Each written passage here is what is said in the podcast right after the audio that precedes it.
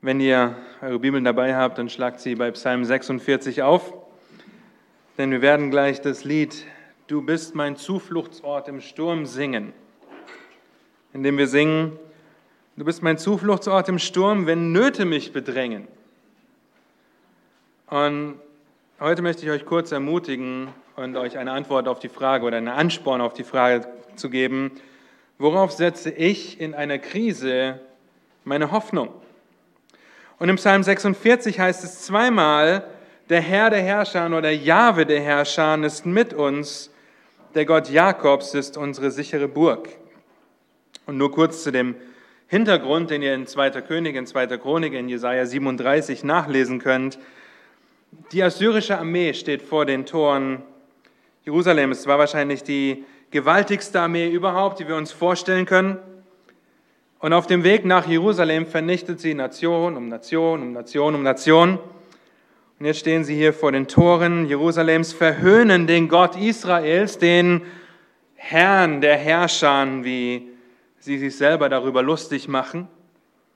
Diesen Gott Israels, den Gott von Hiskia, der damals König war. Oh, wie könnte dieser Gott euch retten?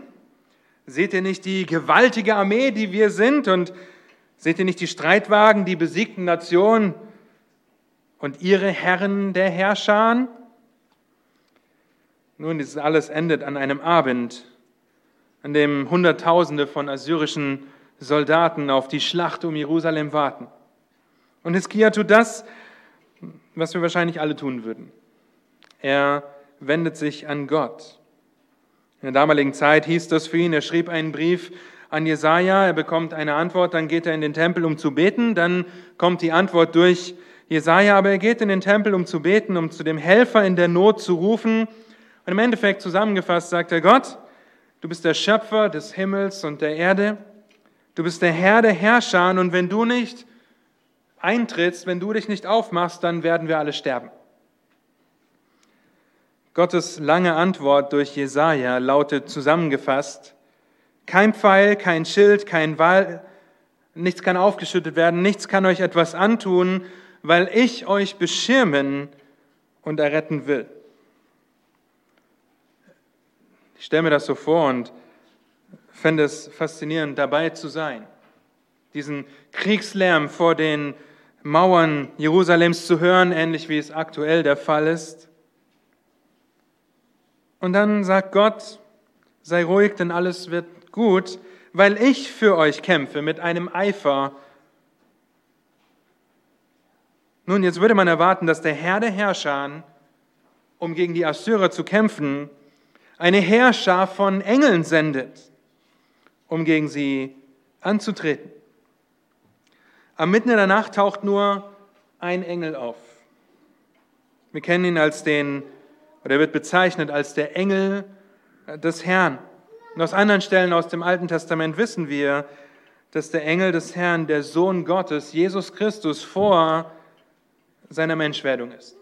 Das heißt, Jesus erscheint auf dem Schlachtfeld und es ist gut möglich, dass innerhalb eines Wimpernschlags 185.000 der stärksten Soldaten vernichtet werden. 185.000 einfach tot in einem Augenblick.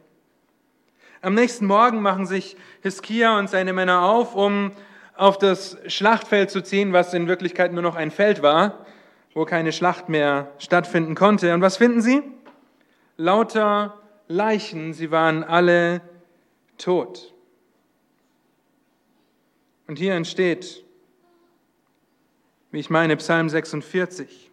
Man stellt euch das vor inmitten dieser ganzen Leichen. Kommt her, Kommt her und schaut das Werk Jahwes, der Verwüstung angerichtet hat auf Erden, der Kriegen ein Ende macht, bis ans Ende der Erde, der den Bogen zerbricht, der den Speer zerschlägt, der die Streitwagen mit Feuer verbrennt.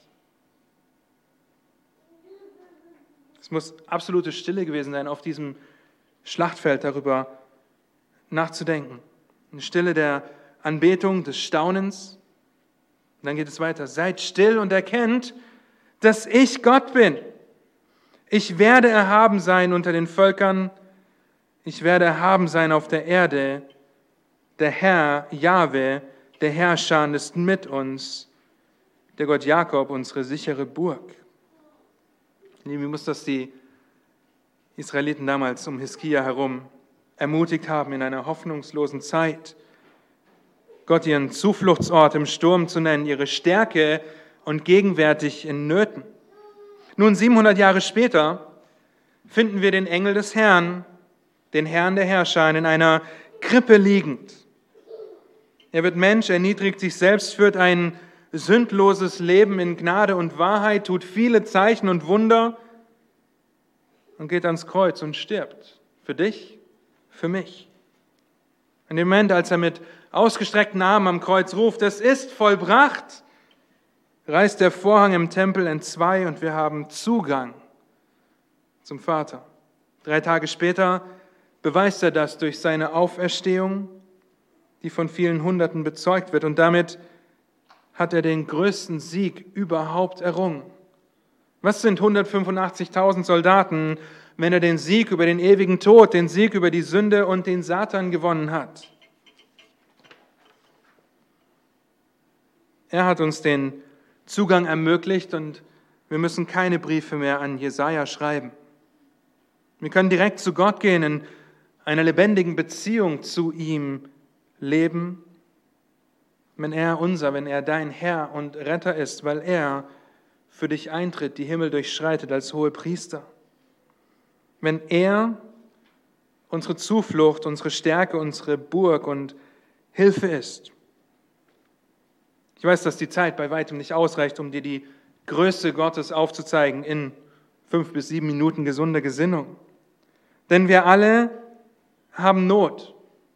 Wir alle leben in einer Welt der Bedrängnis. Wir alle sehen, dass Furcht und Sorgen an jeder Ecke lauern. Wir alle sehen, dass die Herausforderung des Lebens in einer gefallenen Welt allgegenwärtig ist und wir uns häufig die Frage stellen müssen, worauf setze ich in einer Krise oder überhaupt meine Hoffnung? Und wenn es irgendjemand anders ist als der Herr der Herrscher, wenn du irgendjemand anders zu deiner Zuflucht machst als den lebendigen Gott, eine Droge, eine Sache, eine Person, das Geld, Ansehen, Bildung, ich wage zu sagen, Lockerungen und so weiter, dann wird es früher oder später dazu führen, dass du hoffnungslos sein wirst und entweder mehr davon brauchst oder etwas anderes brauchst, etwas anderes ausprobiert. Worauf setze ich, worauf setzt du in einer Krise, Krise deine Hoffnung? Worauf setze ich meine? Nun, ich will euch sagen, auf wen ich sie setze. Ich setze ihn auf den Herrn der Herrscher, den Helfer in der Not, meine Stärke und meine sichere Burg. Er hält mich fest und ich möchte euch ermutigen, ihn mit mir zu eurem Zufluchtsort im Sturm zu machen, wenn starke Winde wehen.